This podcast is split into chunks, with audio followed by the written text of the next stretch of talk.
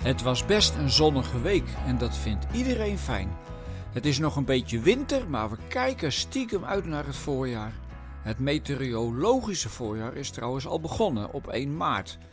De zon is natuurlijk een immens natuurverschijnsel. Zonder zon geen leven. En we waren even bezig, hè, een paar overdenkingen over de zon. Nou, niet verwonderlijk dat de zon in veel godsdiensten in de oudheid werd aanbeden als een god. Je leven hing er immers vanaf. Ook in Egypte en Babylonië vereerde men de zon. In Babylonië pakten ze ook nog even de maan en de sterren mee als goden.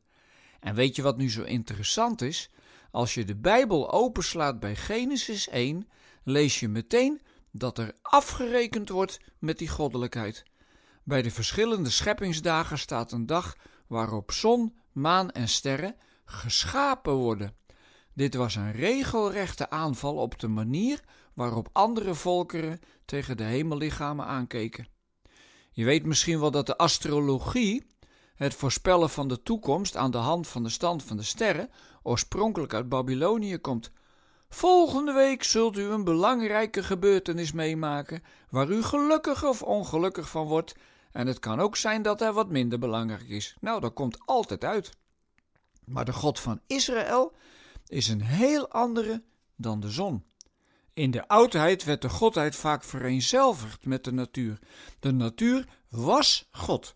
En dan vertelt de Bijbel ons dat onze God boven de natuur staat, want die heeft hij immers geschapen.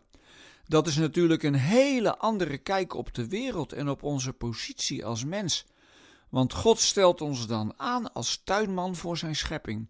Oftewel, de hele klimaat- en milieudiscussie begint al haast op de eerste bladzijde van de Bijbel. Dat God boven de schepping staat, wordt in de psalmen vaak aangehaald om zijn heerlijkheid te onderstrepen. Het zit natuurlijk behoorlijk in onze genen om schepsels te gaan vergoddelijken. Kijk alleen maar eens naar de verering van sporthelden en muzikanten. En mensen die hun auto aanbidden. Dat laatste vind ik wel een beetje zielig, eerlijk gezegd. Want die auto is gewoon door mensen in elkaar gezet. Maar in de Bijbel wordt ook wel eens iets gebouwd dat dan later als God moet worden aanbeden. Denk maar aan het gouden kalf. Het is eigenlijk altijd zo dat als je iets gaat vergoddelijken, je het ook kleiner maakt. Want dan beperk je het tot dat beeld of die persoon. En het boeiende van God is juist dat je hem nooit te pakken krijgt in een afbeelding, want hij is altijd groter. Hij staat boven alles wat menselijk is.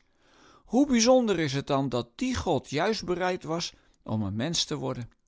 Paulus vertelde dat God bereid was zich klein te maken, zelfs tot de dood aan het kruis, om ons mensen te bevrijden van al onze verkeerde goden.